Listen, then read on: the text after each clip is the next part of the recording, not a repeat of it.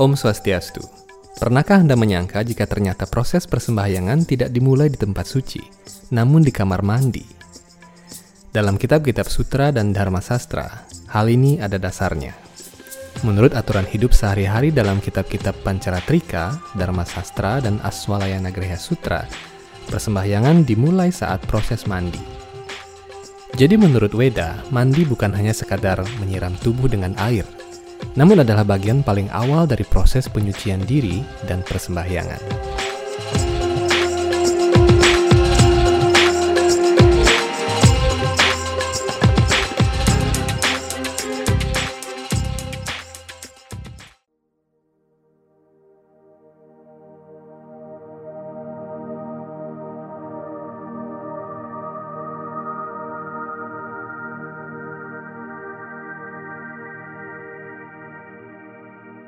Kitab suci Weda Kurma Purana menyatakan bahwa tanpa melakukan pratah snana atau mandi sebelum matahari terbit, seseorang tetap menjadi tidak suci.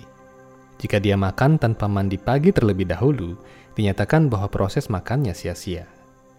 Selain itu, dalam Weda Padma Purana dinyatakan bahwa orang yang tidak mandi pagi diselimuti sifat kegelapan atau tamasika. Mandi pagi wajib dilakukan oleh semua orang kecuali orang sakit.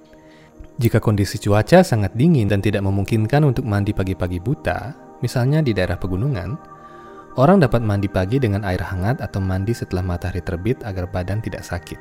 Dalam peradaban Weda, kegiatan mandi adalah salah satu aktivitas penyucian diri yang sangat penting sebagai salah satu syarat pokok sebelum melakukan pemujaan kepada Tuhan. Karena itulah umat Hindu diajarkan untuk mandi pagi-pagi dan menyucikan diri pada saat hari Banyu Pinaruh, yakni sehari setelah hari raya Saraswati. Namun sesungguhnya, mandi subuh itu harus dilakukan setiap hari. Mandi pagi sebelum matahari terbit menyucikan seseorang dari dosa, karena mandi pagi memiliki kekuatan menyucikan kontaminasi luar dan dalam. Mandi dengan air hangat pada pagi hari membersihkan badan kasar saja, namun mandi dengan air dingin membersihkan dan menyegarkan badan halus atau suksma sarira, menghancurkan rasa kantuk dan pengaruh mimpi buruk. Mandi dengan air dingin juga memberikan kekuatan, sensitivitas, umur panjang, cahaya badan, dan kesucian. Mandi subuh meningkatkan ketajaman daya ingat, pengetahuan, dan ketegasan, serta menambah kesejukan pikiran. Mandi pagi menghalau ketidakmujuran, kesedihan, dan pikiran-pikiran yang buruk. Singkatnya, mandi pagi menghalau reaksi perbuatan yang buruk. Pada malam hari ketika tidur dan ketika baru bangun, kesembilan lubang pada badan mengeluarkan cairan dan kotoran yang disebut mala. Mala atau kotoran badan tersebut antara lain, tiga mala utama yakni kotoran, kencing, dan keringat. Kemudian kotoran yang dihasilkan oleh jaringan tubuh yakni kotoran telinga, kotoran hidung, air mata yang menempel di sudut mata ketika seseorang baru bangun tidur, rambut yang jatuh, serpihan kuku, dan kulit yang mati – bulu-bulu badan, air liur, atau lendir jenis lain. Kesepuluh jenis kotoran ini disebut dasamala dalam Ayurveda dan membuat badan menjadi tidak bersih. Mandi pagi bisa membersihkan semua kotoran tersebut sehingga badan menjadi segar. Mandi pagi memiliki banyak manfaat fisik, mental, dan spiritual, sehingga mandi pagi diharuskan dalam kitab suci Weda. Karena itulah seperti kata kekidungan, Mandi pagi adalah salah satu sarana pengelukatan dasamala. Sebelum memulai kegiatan spiritual, seperti bersembahyang atau membuat sarana upacara, seseorang hendaknya mandi dan memakai pakaian yang bersih. Selain mandi dengan air yang wajib dilakukan setiap hari, ada beberapa jenis mandi lainnya yang dilakukan pada saat-saat tertentu. Jenis-jenis mandi ini tidak bisa menggantikan mandi air yang wajib dilakukan setiap hari.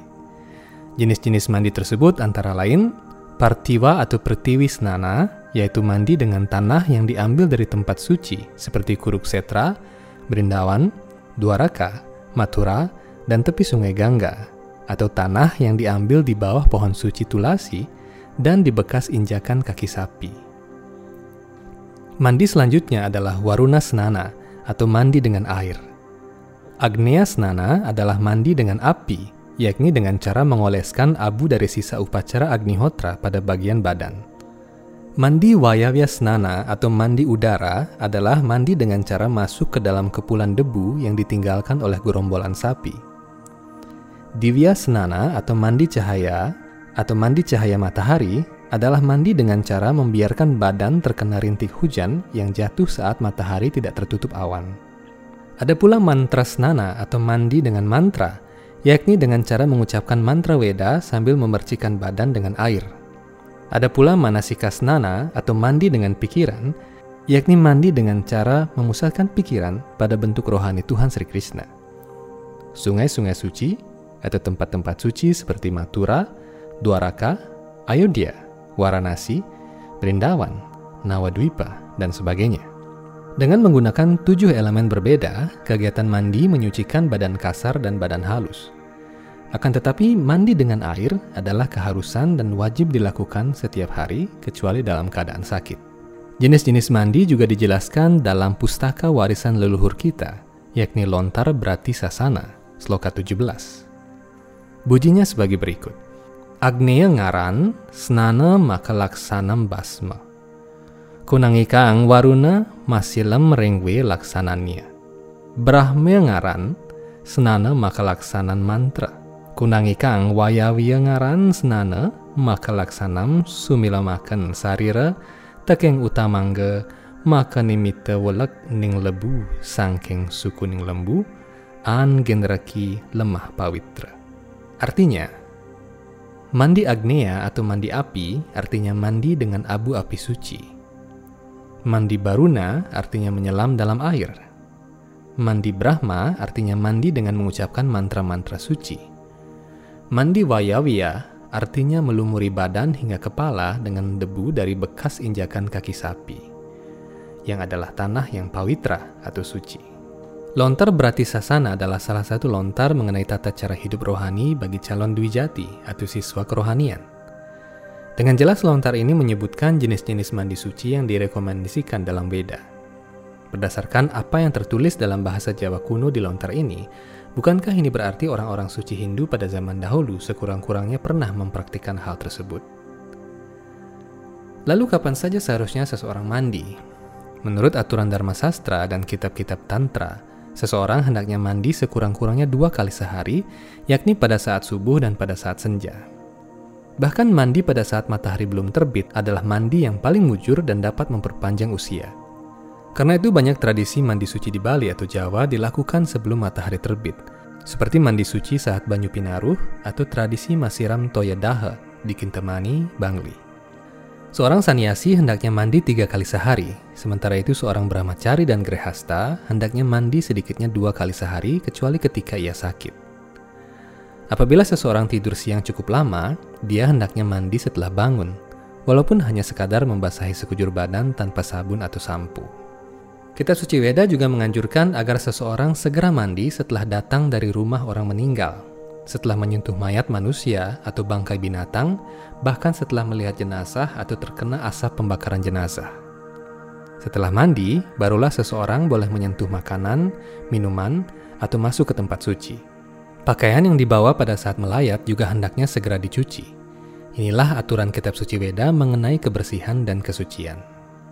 Mandi besar juga diwajibkan setelah berhubungan suami istri, setelah buang air besar, atau setelah potong rambut. Apabila seseorang ingin menjaga kebersihan dan kesucian lahir batin, dia hendaknya tidak lalai dalam urusan mandi. Aturan kitab suci Weda juga menyatakan bahwa seseorang hendaknya mandi sebelum masak dan sebelum membuat persembahan kepada Tuhan. Ini adalah aturan yang bahkan dicantumkan dalam lontar Yadnya Prakerti, salah satu naskah suci yang berisi pedoman pembuatan sarana upacara atau banten. Karena makanan harus dipersembahkan kepada Tuhan sebelum dimakan, maka orang yang memasak makanan itu harus bersih dan suci. Demikian pula tatkala seseorang ingin membuat atau merangkai persembahan untuk Tuhan. Demikian beberapa aturan pokok yang termuat dalam kitab Dharma Sastra, Aswalayana Greha Sutra, dan beberapa kitab suci Weda bagian Tantra mengenai kewajiban mandi. Sebagai umat Hindu yang meyakini kebenaran Weda, akan sangat baik jika aturan-aturan mandi ini diikuti demi menjaga kesucian dan kebersihan baik badan, pikiran maupun jiwa. Dalam kitab Pancaratrika pun dinyatakan bahwa tanpa mandi terlebih dahulu, seseorang tidak boleh melakukan puja kepada Tuhan. Karena itu mandi adalah salah satu bagian penting dalam proses persembahyangan Hindu. Semoga video ini bermanfaat untuk Anda. Anda dapat membagikan video ini untuk memperkaya pemahaman dan wawasan mengenai ilmu pengetahuan rohani Weda. Nantikan video-video lain dengan topik yang lebih menarik lagi hanya di Hindu Times Channel. Om Santi Santi Santi Om.